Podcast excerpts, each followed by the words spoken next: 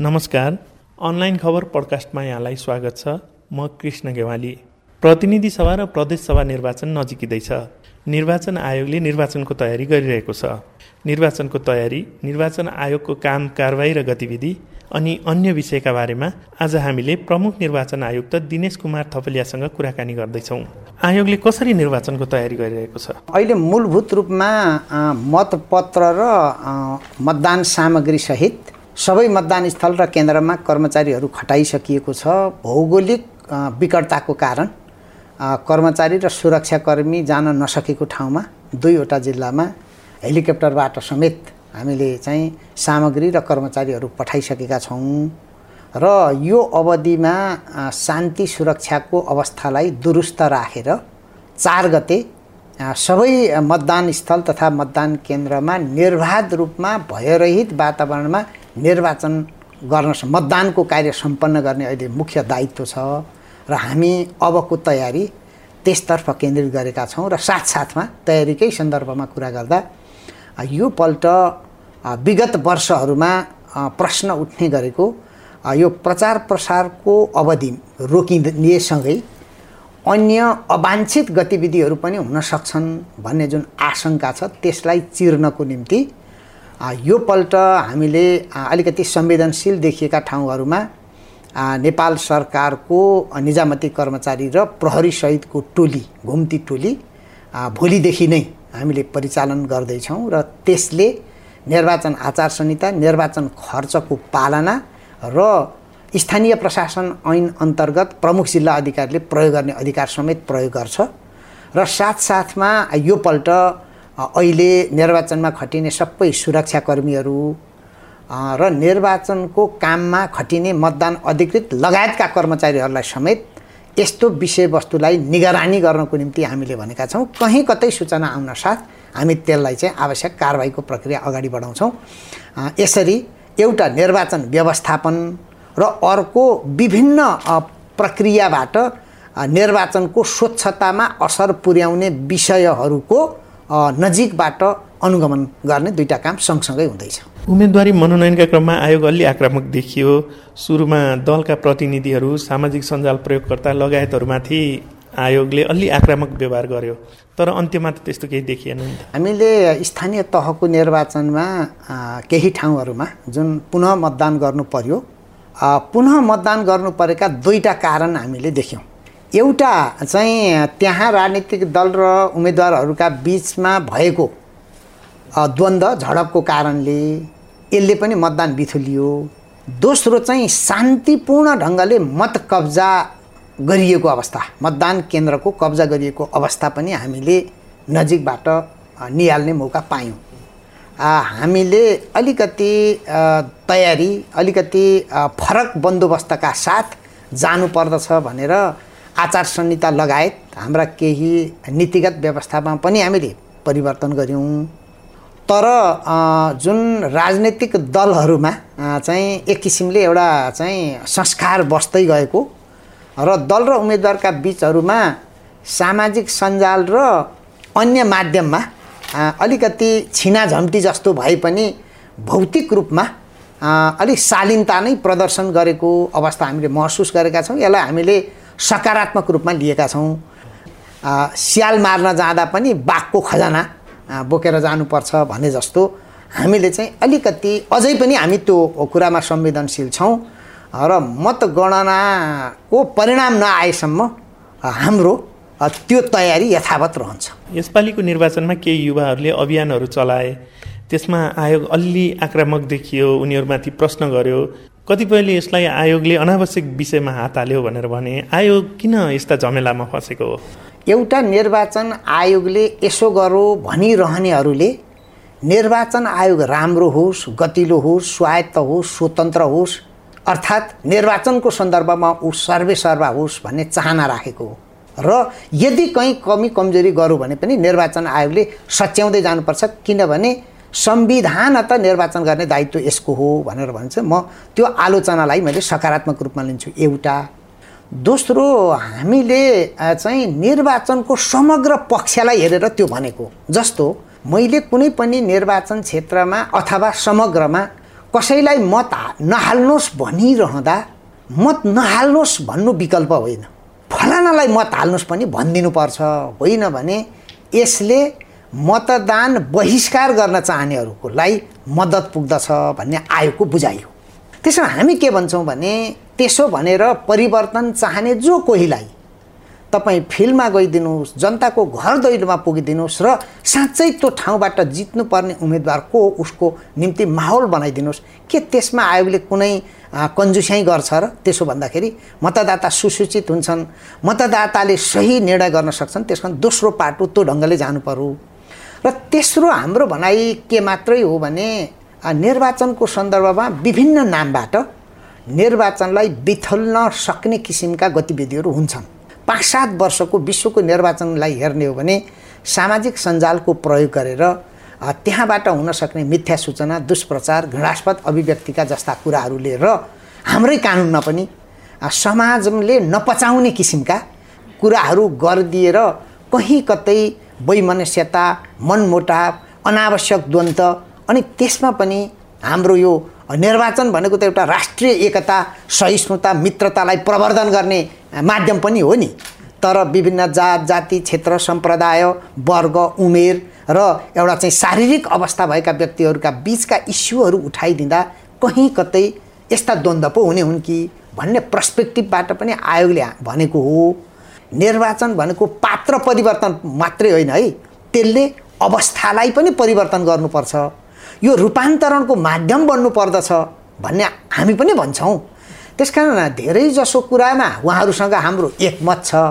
मात्रै गर्ने तौर तरिकामा भन्ने शैलीमा भाषा शैलीमा हामीले प्रस्तुत गर्ने डकुमेन्टको चाहिँ प्रकृतिहरूमा चाहिँ आयोगको अलिकति असहमति हो।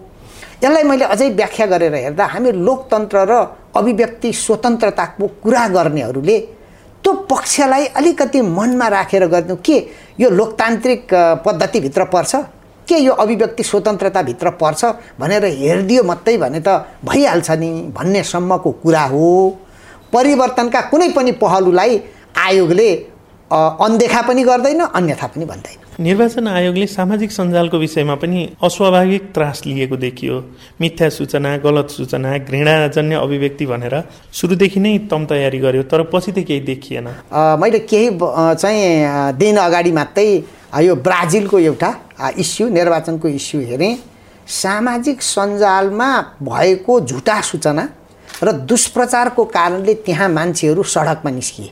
र त्यति बेला त्यहाँको निर्वाचन गर्ने संस्थाहरूलाई आरोप लाग्यो कि यो निर्वाचन गर्ने संस्था त यति बेला सक्रिय हुनुपर्ने हो भन्ने आरोप पनि लाग्यो साथसाथमा हामीले विभिन्न देशका निर्वाचनका अभ्यास सोह्र पछिका अभ्यासहरू हेर्दा हामीले एउटा चाहिँ सामाजिक सञ्जाललाई प्रयोग पनि गरौँ यसको भरपुर रूपमा उपयोग पनि गरौँ तर उपयोग गर्ने नाममा त्यसले असामाजिक र अमर्यादित कार्य गरौँ भने त्यसलाई नियमन पनि गरौँ भन्ने रणनीति अवलम्बन गरेको कारणले त्यस्तो देखिएको हो। अब बढी नै आत्तिएको अवस्था होइन संयमता अपाउनाउनको निम्ति गरिएको आग्रह मात्रै हो गत स्थानीय निर्वाचनमा केही स्वतन्त्र उम्मेद्वारहरू निर्वाचित भए त्यसपछि स्वतन्त्र भन्ने शब्द एउटा ब्रान्ड जस्तै भन्यो कतिपयले दल दर्ता गरेर म स्वतन्त्र उम्मेद्वार हुँ भन्दै हिँडे। आयोगले त्यति सामान्य विषयमा पनि आपत्ति जनायो। हामी जनताको बहुदलीय प्रतिस्पर्धात्मक प्रणालीमा छौँ र प्रतिनिधि सभा र प्रदेश सभाको निर्वाचन एउटा दल तथा अन्य उम्मेदवारका बिच अर्को निर्वाचन दलको समानुपातिक उम्मेदवारका बिच हुन्छ। त्यस कारण दलको हिस्सा अलिकति बढी छ यो निर्वाचनमा। स्वाभाविक रूपले स्थानीय तहको निर्वाचन जस्तो होइन। मैले मलाई नै भेट्नु भएको थियो स्वतन्त्र रूपबाट आउँछौँ भन्ने साथीहरूलाई पनि तपाईँहरू पनि सङ्गठन निर्माण गरेरै जानुहोस्। किनभने तपाईँलाई प्रत्यक्षतर्फ मत दिने मान्छेले अर्को समानुपातिक चाहिँ कसलाई मत दिने भनेर अन्यल सिर्जना हुनसक्छ। आफ्नो मतलाई त सुरक्षित गर्नुहोस् भन्ने ढङ्गले पनि भने मैले सुझाव दिएकै हुँ। एउटा त्यो पाटो भयो। तदनुसार केही मित्रहरू राजनीतिक दल गठन गरेरै आउनुभयो। समस्या कहाँनिर रह्यो भने राजनीतिक दल गठन गरेर आउनुभयो। दलको चिन्ह पनि लिनुभयो। तर म स्वतन्त्र हुँ भन्न पनि छोड्नु भएन। दलको निर्वाचन चिन्ह लिएर त्यो दल प्रत्यक्षमा पनि उम्मेदवार छ समानुपातिकमा पनि त्यो दलको चाहिँ चिन्ह छ। समानुपातिकतर्फ पनि मत माग्छ। तर त्यही दलको चिन्ह लिने उम्मेदवारले म स्वतन्त्र हुँ। त्यस कारण स्वतन्त्र भन्ने कुनै व्यक्तिको मलाई समर्थन छ भनेर भन्छ। अनि त्यो समर्थन दिने व्यक्तिलाई सोद्धा मेरो कसैलाई पनि समर्थन छैन। यो कुरा चाहिँ अहिलेको आचार संहिता विपरीत छ भनेर पनि भनिन्छ। यी सबै कुराको सेरोफेरोमा हामीले यसलाई चाहिँ प्रष्ट पार्न खोज्यौँ तदनुसारको कारवाहीको प्रक्रिया अगाडि बढायौँ। आग्रह के मात्रै हो भने तपाईँ स्वतन्त्र हुनुहुन्छ म स्वतन्त्र हुँ भन्नुहोस् र स्वतन्त्रको निम्ति छुट्याइएको निर्वाचन चिन्हबाट चुनाव लड्नुहोस्। तपाईँ कुनै दलसँग आबद्ध हुनुहुन्छ र दलको यो चाहिँ निर्वाचन चिन्हबाट तपाईँ उम्मेदवार हुनुहुन्छ भने म दलको उम्मेदवार हुँ भन्नुहोस्। आमा मेरी आमा होइनन् भन्न मिल्छ र। उम्मेदवार त उम्मेदवारको राजनीतिक दल त आमा हो जननी हो। आमा मलाई मन पर्दैन म फुत्त जन्मिएको हुँ भनेर त भन्न मिलेन नि त। त्यसकारण उहाँहरू तपाईँ त्यो दलको निर्वाचन चिन्हबाट उम्मेदवार हुनुहुन्छ भने तपाईँलाई दलको हुँ भन्न लाज लाग्छ घृणा लाग्छ भने भोलि जितेर आएर तपाईँले त्यो दलको संसदीय चाहिँ एउटा चाहिँ मोर्चा खडा गरेर अनि कसरी भाग लिनुहोला? त्यस कारण अलिकति निर्वाचनलाई त्यसमा पनि दलीय निर्वाचनलाई सही ढङ्गमा बुझिदिनुहोस् भनेर सचेत गराइएको त्योभन्दा बढी गराइएको छैन। अब कारवाही नै गर्नुपर्ने अवस्था आयो भने कानुनले भन्यो भने त्यो विषय हुन्छ। र यो चाहिँ हरेक उम्मेदवारले यो हेक्का राख्न जरुरी छ। यदि त्यस्तो भइदिएन भने त यसो सम्झिनुहोस् न। ठुलो कुनै दलको ठुलो भनिएको कुनै दल को म स्वतन्त्र हुँ भन्दा होइन चिन्ह चाहिँ मैले यो लिएको हुँ। तर म स्वतन्त्र हुँ है मलाई स्वतन्त्रको हैसियतले मत दिनुहोस् भन्दै जाने अनि समानुपातिकमा पनि त्यही चिन्हमा भोट माग्ने दलको चिन्हमा आफू पनि त्यही चिन्हमा भोट माग्ने। यस्तो दोहोरो चरित्रले अलिकति हामीहरू निर्वाचनको स्वच्छता दलीय व्यवस्थाको मर्यादा र संसदीय प्रणालीको अभ्यासलाई राम्रो गर्दैन। भनेर जानकारी गराइएको हो। निर्वाचन आयोग साना दलहरूमाथि आक्रामक बन्यो तर ठुला दल र तिनका उम्मेद्वारमाथि केही गर्न सकेन भन्ने आरोप लाग्यो। यस्तो भेदभाव किन भएको होला? अहिले यस्तो हुन्छ यसमा उम्मेदवार हुन्छन् होइन? दलहरू पनि हुन्छन्। जसले उल्लङ्घन गर्छन् उसलाई हामीले स्पष्टीकरण सोध्ने हो। अब के चाहिँ गर्न सकिँदैन भने हामीलाई आम मासमा के लागेको हुनसक्छ भने फलानालाई कारवाही गरिदिए हुन्थ्यो भन्ने लागेको हुनसक्छ। तर उसले कहीँ कतै मिस्टेक गरिदिँदैन। अब आयोगले आम मास तपाईँलाई नि कारवाही गर्छु भन्छ। अलिकति मिचिदिनुहोस् न। आचार संहिता उल्लङ्घन गरिदिनुहोस् न भनेर आयोगले त भन्न मिल्दैन। त्यसकारण यसमा यो वा त्यो भनिरहनु पर्ने अवस्था छैन। बरु के हो भने अलिकति कारवाही छिटो छरितो भइदिए हुन्थ्यो भन्ने आग्रह हो। कार्य व्यस्तताको कारणले हामीले अलिकति त्यो यो कारवाहीलाई यद्यपि हामी यसमा रातो दिन खटिरहेका छौँ छिटै नतिजा दिन नसकेको अवस्था हुन सक्दछ। त्यसमा हामी आलोचना खेप्न तयार छौँ। तर कारवाहीको प्रक्रिया प्रारम्भ भइसकेपछि नटुङ्गिएसम्म त्यो सधैँ उत्तिकै प्रबल नै भइराखेको हुन्छ। हामी यसमा सचेत छौँ। मैले यति भनौँ। र कसैको पनि अनावश्यक ढङ्गले चित्त दुखाउने गरी हामी काम गर्दैनौँ। तर कसैले आयोग र कानुनको चित्त दुखाएको छ भने त्यसबाट पछि पनि हट्दैन। उम्मेदवारी मनोनयनपछि दावी विरोधका क्रममा प्रश्न उठ्नु उजुरी पर्नु स्वाभाविक हो। त्यसपछि समेत परेका उजुरीमाथि आयोगले कारवाही गर्ने स्पष्टीकरण सोध्ने उम्मेदवारी नै खारेज गर्ने जस्ता कामहरू गर्यो। उम्मेदवारहरू प्रचार प्रसारमा हिँड्ने कि स्पष्टीकरण दिने उनीहरूले कहिलेसम्म यो झमेला बोक्नुपर्ने हो? पहिलो कुरो म योग्य छु वा छैन भन्ने कुरा उम्मेदवार आफैले जान्नुपर्छ। पच्चिस वर्ष उमेर नपुगिकन उम्मेदवार हुन पाइँदैन। समानुपातिकतर्फ उम्मेदवारी दर्ता गर्ने झन्डै झन्डै सत्ताइस अठाइसजना त पच्चिस वर्ष उमेर नपुगेका फेला परे। के त्यो उम्मेदवारको उमेर हामीले मिलाइदिनु पर्ने हो? कालो सूचीमा नाम भएको व्यक्ति कसको नाम कालो सूचीमा छ भन्ने कुरो उसलाई आफूलाई थाहा हुँदैन जबकि वेबसाइट हेर्ने बित्तिकै नाम खरेर पढ्न सकिन्छ। म कुन पदमा बसेको छु भन्ने कुरो आफूलाई थाहा हुँदैन त्यस कारण पहिलो कुरा आफ्नो योग्यता जाँच्ने काम आफ्नै हो। उहाँले जाँच्न नसकेमा जब उम्मेदवारी सुरु हुन्छ निर्वाचन अधिकृतले निर्वाचन अधिकृतको कार्यालयबाट जाँच गर्छ। तर त्यति बेर चाहिँ उजुर दिने सङ्कुचित दायरा हुन्छ। कुनै उम्मेदवारले मात्रै उजुरी दिन सक्छ। अब त्यो दायराबाट कटेर आइसकेपछि अब जो एकदम चाहिँ निर्वाचनमा गयो आजै पनि होइन हामीले एउटा चाहिँ प्रदेश सभातर्फको उम्मेदवारी खारेज गर्नु। यो बिचमा त उहाँले त धेरै मिहिनेत गरिसक्नु भएको होला। कानुन बमोजिम योग्यता नपुगेको बहुविवाह गरेको सजाय पाएको तिन वर्ष नपुगेको। मैले बहु विवाहमा सजाय पाएँ कि पाइनँ?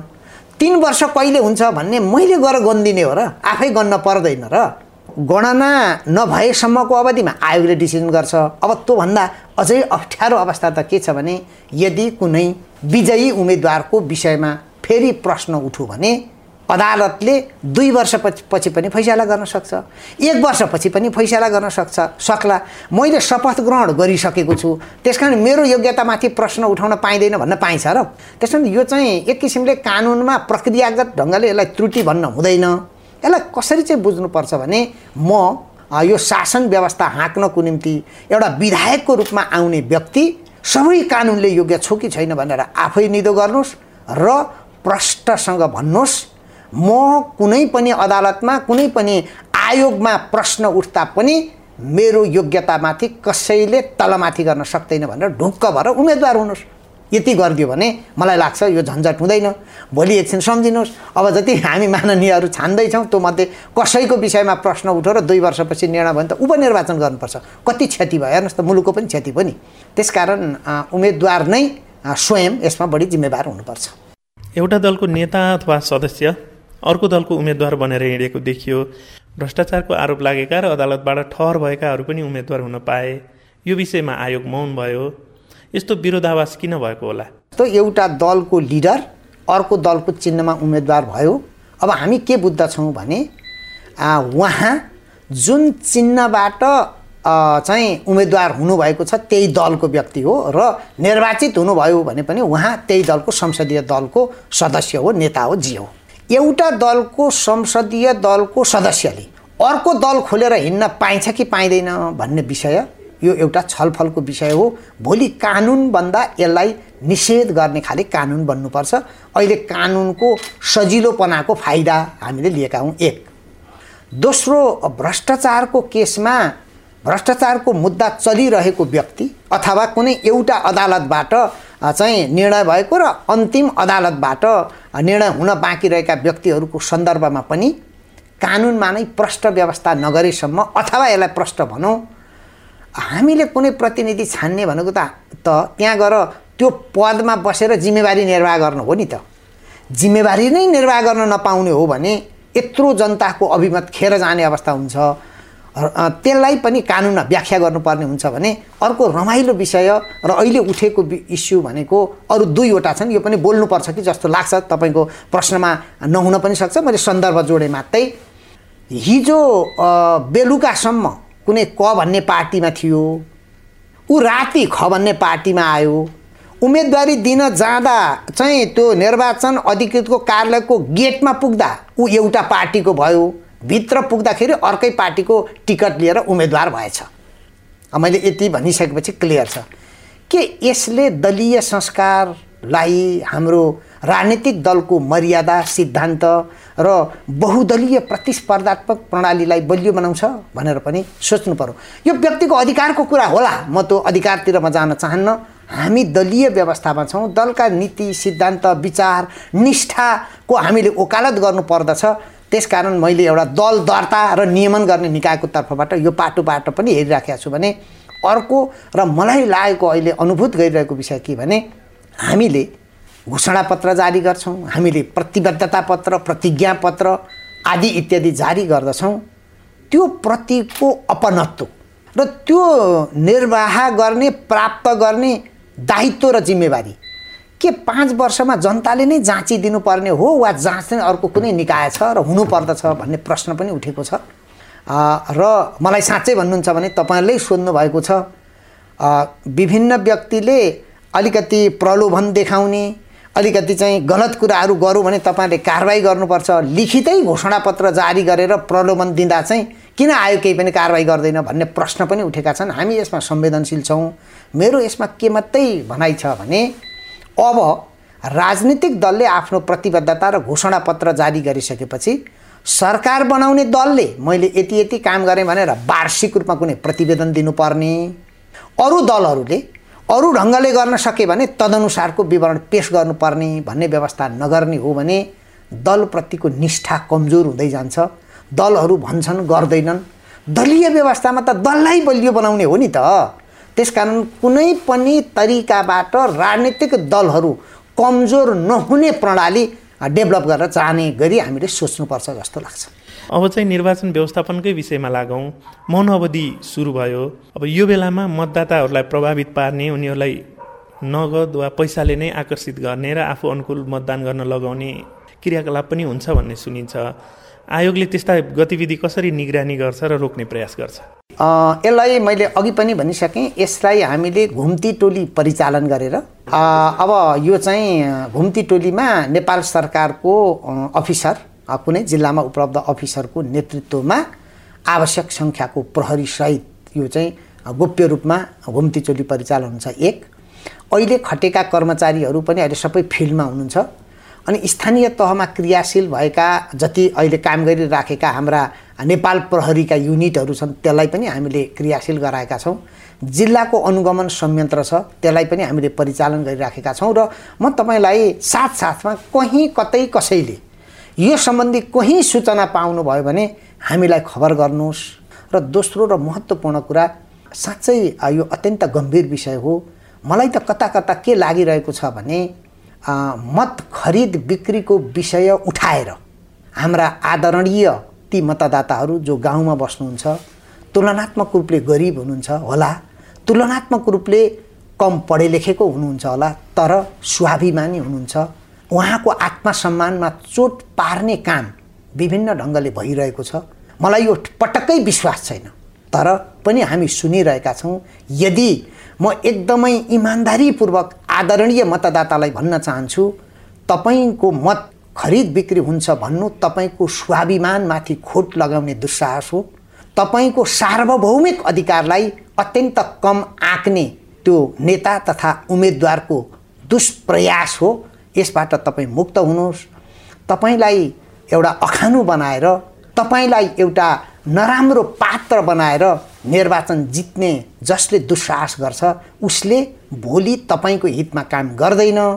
उसले भोलि के भन्न सक्छ भने मैले त तपाईँको मत किनेर पो जितेको हुँ त। मैले तपाईँको किन काम गरिरहनु पर्यो? कहीँ कतै यस्तो कुरा भयो भने पनि त्यसलाई निषेध गर्नुपर्छ। मैले धेरै यो विषयमा म तपाईँलाई भनौँ जसले यसो भनिरहनु भएको छ ती मध्ये धेरैलाई मैले प्रश्न गरेको छु। तपाईँले आजसम्म कतिपल्ट मतदान गर्नुभयो? कसैले भन्नुहुन्छ मैले छपल्ट गरेँ आठपल्ट गरेँ पाँचपल्ट गरेँ। कति ताल कति पैसामा गर्नुभयो? होइन होइन मैले एक पैसा लिएर मतदान गरेको छैन। त्यसमा लिन्छ को? के तपाईँले तिनै नेपाली जनता जसले यो मुलुक बचाएर बसेका छन् गाउँमा बसेका छन् दुःख गरेर बसेका छन् ती जनतामाथि प्रश्न उठाइएको हो भने यो गम्भीर विषय छ। यसले हाम्रो राष्ट्रिय स्वाभिमानलाई असर पुर्याउँछ। हामी कोही सबै शुद्ध कोही किनबेच नगर्ने अनि जो दुःख जिलो गरेर आफ्नो जीविकोपार्जन गरिरहेका छन् गाउँमा बसेर हामीलाई पालिराखेका छन् चाहिँ स्रोत साधन उपलब्ध गराएर सहरमा तीमाथि प्रश्न उठाउने विषय गम्भीर छ। यसको छानबिन हुनुपर्छ र यस्तो बोल्नेहरूलाई पनि कारवाही गरिनुपर्छ भन्ने मेरो आग्रह छ। गत स्थानीय निर्वाचनमा मतदान केन्द्रमाथि नै ढुङ्गा मुडा भयो। मतदाता बनेर मतदान केन्द्रमा छिरेका कतिपय मतदाताहरूले मतपेटिका बोकेर बाहिर लिएर हिँडे फुटाइदिए। यसपालि पनि त्यस्ता खालका गतिविधि दोहोरिँदैन भन्ने ग्यारेन्टी चाहिँ के हुन्छ र? मैले यसमा दुईवटा कुरा मात्रै भन्छु। निर्वाचन आयोगको कारणले यसो भएको पनि होइन। हाम्रो तयारीको कारणले यो बिग्रिएको अवस्था होइन। यसले राजनैतिक संस्कार हाम्रो कस्तो छ र हामी दल उम्मेदवारहरू आफ्ना कार्यकर्तालाई कसरी प्रशिक्षित गरिरहेका छौँ भन्ने प्रश्न पनि उठाउँछ। यो सिधै दल र उम्मेदवार माथि खनिने प्रश्न पनि हो। साथसाथमा हामी जो निर्वाचनको जिम्मेवारी लिएर खटिएका छौँ। हामी कति इमान्दार छौँ भन्ने प्रश्न पनि यो भित्र छ। त्यसकारण म यो मुखमा यो कुरा त गर्न चाहन्न तर के चाहिँ ग्यारेन्टी गर्दछु भने अहिले यही अवस्थालाई मध्यनजर गरेर हामीले अलिकति कानुनमा परिवर्तन गरेका छौँ। निर्वाचन कसुर तथा सजाय ऐनमा भएको व्यवस्था र निर्वाचन निर्देशिकाले अहिले गरेको व्यवस्था अनुसार चार पाँचवटा कुरा म स्पष्ट गरौँ। एउटा वारेस राखेर अब मतदान हुँदैन। कसैले गर्न पाउँदैन। आफ्नो मत आफैले हाल्नुपर्छ। अशक्तहरूको निम्ति हामीले व्यवस्था गरेका छौँ। म लामो व्याख्या यसमा नजाउँ। अशक्तहरू मतदान आफै गर्न नसक्नेहरूको ठाउँमा विशेष व्यवस्था छ। त्यो व्यवस्था अनुसार हुन्छ। आमाको भोट छोराछोरीले हालिदिने श्रीमतीको भोट श्रीमानले हालिदिने यस्ता हामीले धेरै कुराहरू सुन्यौँ। सँगै जाने म हालिदिन्छु भन्ने उस्तै पऱ्यो भने राजनीतिक दलका नेता र कार्यकर्ताले होइन यिनीहरूले त भोट हाल्न सक्दैन म पत्ता सक्ने जान्ने। यो दुनियाँमा हरेक नागरिक जान्ने छ। अठार वर्ष उमेर पुरा भएको एक करोड उनानब्बे उनासी लाख जुन हाम्रा मतदाताहरू छन् सबै बराबरी जान्ने हुन् मतको मूल्य बराबरी छ। त्यसकारण उहाँलाई भोट पनि हाल्न जान्नुहुन्न भन्ने ढङ्गले जुन वारेस भनेको मैले अर्को प्रतिनिधि खटाएर गर्ने कुरा थियो त्यसलाई हामीले सम्पूर्ण रूपले निषेध गरेका छौँ। यो निषेध नै हुन्छ। कसैले कसैलाई मतदान कार्यमा रोक्ने कार्य गरौँ भने वा अवि तपाईँले भने जस्तो मतपेटीकै लिएर जान्छु मतदान केन्द्र नै भत्काइदिन्छु भन्ने ढङ्गको काम गरौँ भने ठाउँको ठाउँ नियन्त्रणमा लिएर कारवाही अगाडि बढाउने पहिले यो व्यवस्था प्र प्रभावकारी थिएन। अहिले हामीले भनेका छौँ त्यसै गरी सुरक्षा निकायको व्यवस्था गरिएको छ र कुनै पनि ठाउँमा चाहिँ अहिले त्यस्तो काम भयो भने तत्कालै दृश्यहरू त हामी चाहिँ कैद गर्न सक्छौँ। त्यसकारण त्यसरी प्राप्त भएको विवरणको आधारमा त्यो व्यक्ति को हो त्यो पहिचान गरेर फौजदारी अभियोगमा कारवाही गर्ने गरी सबै निर्देशन दिएका छौँ। यो दुस्साहस कसैले नगरोस् भन्ने मेरो आग्रह छ। कैयौँ मरेका व्यक्तिहरूको नाम मतदाता नामावलीमा छ भनिन्छ। आयोगले पछिल्लो छ महिनामा झन्डै तिन लाखको नामावली हटायो। कैयौँ नागरिकहरू विदेशमा छन्। अरूको नाममा मतदान हुँदैन भन्ने ग्यारेन्टी कसरी होला? एकजना मतदाताले कसरी मतदान गर्छ भनेर भन्दा ऊ परिचय पत्र बोकेर आउँछ कुनै आफ्नो फोटो टाँसेको। त्यो फोटो अनुसारको व्यक्तित्व हो कि होइन भनेर पहिले त्यहाँ बस्ने राजनीतिक दल सबै र उम्मेदवारका प्रतिनिधिहरूले त्यो छनौट गर्नुहुन्छ। त्यो छनौट सकिएपछि हामीले ती लोकल चाहिँ स्वयंसेवक राखेका हुन्छौँ। स्वयंसेवकले पनि आइडेन्टिफाई गर्नुहुन्छ उहाँ नै हो भनेर। अब यहाँनिर जाँदा मैले भनौँ मरेको मान्छे बिउतिएर आएको र यही हो भनेर ती मान्छेहरू भन्छन् भने तिनीहरू सध्य हुन् भनेर प्रश्न गर्नुपर्छ पहिलो। आयोगलाई प्रश्न होइन कि त्यहीँ। के ती मान्छे सध्य हुन् भनेर प्रश्न गर्नु पऱ्यो एक। दोस्रो त्यहाँबाट गइसकेपछि उहाँले आफ्नो प्रक्रिया अनुसार मतदान गर्नुहुन्छ। सकेसम्म त्यो औँलामा चाहिँ चिन्ह लगाइदिने व्यक्ति पनि त्यहीँको हुनुहुन्छ। त्यो मरेका मान्छेको औँलामा चिन्ह लाग्दा त उहाँलाई नि त तर्साउँदो हो नि त डराउनु हुँदो उहाँ पनि त बोल्नु हुँदो हो। त्यसकारण हामी यसलाई कसरी बुझौँ भने यो निर्वाचन भनेको एउटा विश्वास सुम्पेको पनि हो। मतदान अधिकृतलाई त्यहाँका कर्मचारीहरूलाई स्वयंसेवकलाई अनि हामीले सक्दैनौँ कि भनेर मतदान अधिकृतले नियुक्त गरेका ती ठाउँको ठाउँ नियुक्ति गर्नुहुन्छ त्यहाँका प्रतिनिधिहरूलाई गरेको हो। अब यो सबैले त्यसै गर्छन् भनेर यदा कदा कहीँ झुक्क्यानमा त्यस्तो भएको हो भने त्यसलाई अपवादको रूपमा लिनु पर्दछ। र अहिले चाहिँ जहाँसम्म नामावलीको कुरो छ हामीले अलि मेहनत गऱ्यौँ तपाईँहरूले इस्यु उठाइसकेपछि झन्नै झन्नै तिन लाखको हाराहारीमा चाहिँ स्थानीय तहको मतदाता नामावलीमा नाम भएका व्यक्तिहरूको नाम हामीले हटायौँ। होइन जो मृत्यु भइसकेका। तर यो बिचमा पनि त हामीले अन्तिम नावली तयार गरिसकेपछि त कसैको मृत्यु भएको हुनसक्दछ कोही बाहिर हुन सक्नुहुन्छ विदेशमा बस्नेलाई हामीले मतदान गर्न दिएका छैनौँ। कामकै सिलसिलामा को एक ठाउँको मान्छे अर्को ठाउँमा छ त्यस्ता मतदाताको नाममा कुनै पनि चिन्ह लाग्न हुँदैन कसैले मतदान गर्न हुँदैन। यदि हामीले अहिलेकै प्रविधिलाई इमान्दारीपूर्वक पालना गरौँ भने यो सम्भव छ। म विश्वास गर्छु। सबैले कसैले पनि यसो गर्नुहुने छैन। अदालतमा पुगेका धेरै निर्वाचन विवादमध्ये मतगणना सम्बन्धी विवाद चाहिँ ज्यादा छन्। आयोगले किन मतगणनालाई विवादरहित बनाउन नसकेको होइन यो सकिन्छ। यो चाहिँ कतिपय अवस्थामा चाहिँ हाम्रा त्यहाँ काम गर्ने साथीहरूको को अलिकति संवेदनशील अभ्यास मेहनतमा पनि यो कुरा भर पर्दछ भने राजनीतिक दलहरूले पनि होइन मत खसेको मतलाई त विश्वास गर्नु पऱ्यो होइन त्यसबाट गर्न सकिन्छ।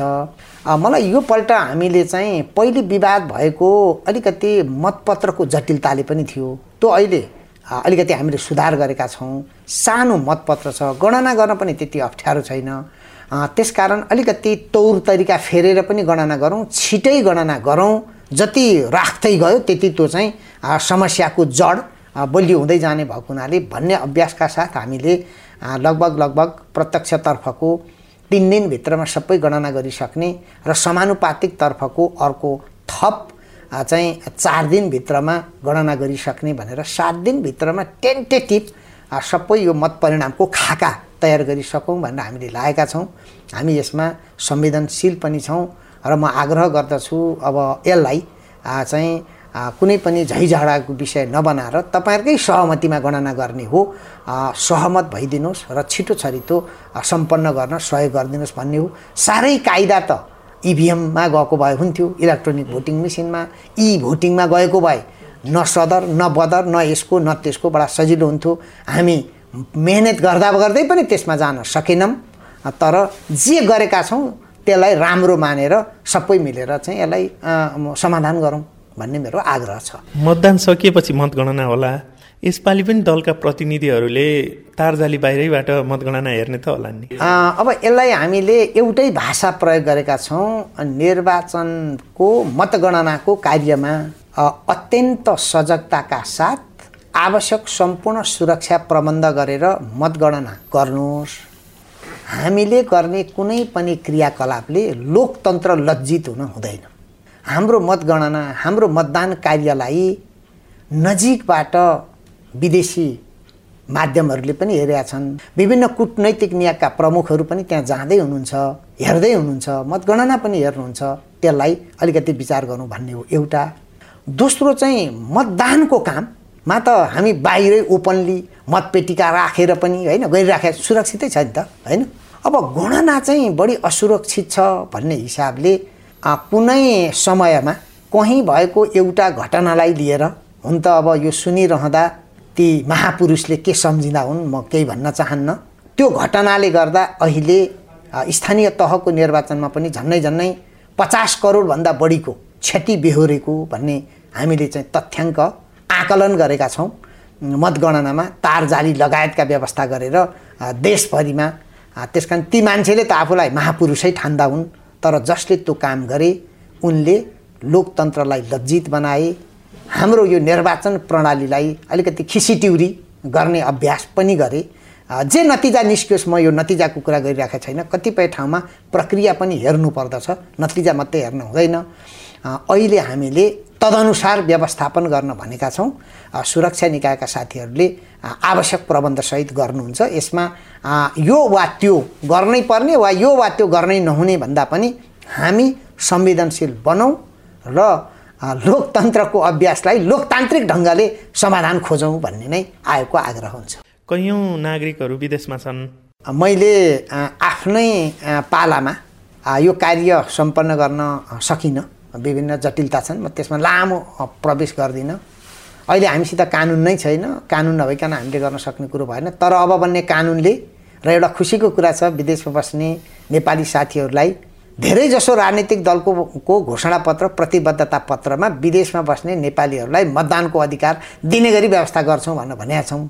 अब निर्वाचन सम्पन्न हुनसाथ आयोगले उहाँहरूलाई बोलाउँछ तपाईँले त्यो घोषणापत्रको कार्यान्वयन गर्नुपर्छ कि पर्दैन? हामी सोध्छौँ। सायद पर्छ नै भन्नुहुन्छ भन्ने विश्वास छ। त्यो प्रावधानसहितको नयाँ कानुन बन्छ र त्यसले यो अभ्यास प्रारम्भ गर्छ। हामी कुराकानीको अन्त्यतिर आइसकेका छौँ। मतदातालाई केही भन्न चाहनुहुन्छ भने सन्देशसहित हामी बिदा हुन्छौँ। मतदाताको यो एउटा नैसर्गिक अधिकार हो र साथमा यो कर्तव्य पनि हो। मतदान गर्ने यो कर्तव्यबाट कोही पनि वञ्चित नहौँ। तपाईँको एक भोट सबैको भोटको मूल्य बराबर छ। तपाईँको एक भोटले मुलुकको समृद्धिको खाका कोर्न सक्छ। तपाईँको एक भोटले हाम्रो आगामी पाँच वर्षको मार्ग प्रशस्त गर्न सक्छ। तपाईँको एक भोटले तपाईँकोले छानेको प्रतिनिधि जित्ने वा हार्ने कुराको निर्णय गर्दछ। त्यसकारण सबै कामहरू एक दिनको निम्ति थाती राखौँ। एउटा मात्रै काम बाँकी छ भनौँ त्यो हो मतदान गर्ने। सही ठाउँमा आफूले मन परेको उम्मेदवार अथवा राजनीतिक दलको चिन्हमा मतदान गर्नुहोस्। र गरेको मत सकेसम्म कुनै पनि हालतमा बदर हुँदैन भन्ने विश्वासका साथ गर्नुहोस्। यदि कहीँ अझै पनि कन्फ्युजन छन् भने सिक्न सक्नुहुन्छ र यतिसम्म कि मतदान केन्द्रमै पनि कसरी मत हाल्ने हो भन्ने कुरा हामीले राखिदिन्छौँ। त्यहाँ पनि ब्यानर राखेको हुन्छ। त्यहाँ पनि यसरी नजर लाउनुहोस्। तपाईँले बुझ्ने गरी त्यो राखिएको हुन्छ। सिकाएको कुरा पनि सम्झिनुहोस्। सही मतदान गर्नुहोस्। निर्वाचनलाई सफल बनाउन सहयोग गरिदिनुहोस्। यही मेरो हार्दिक अपिल छ।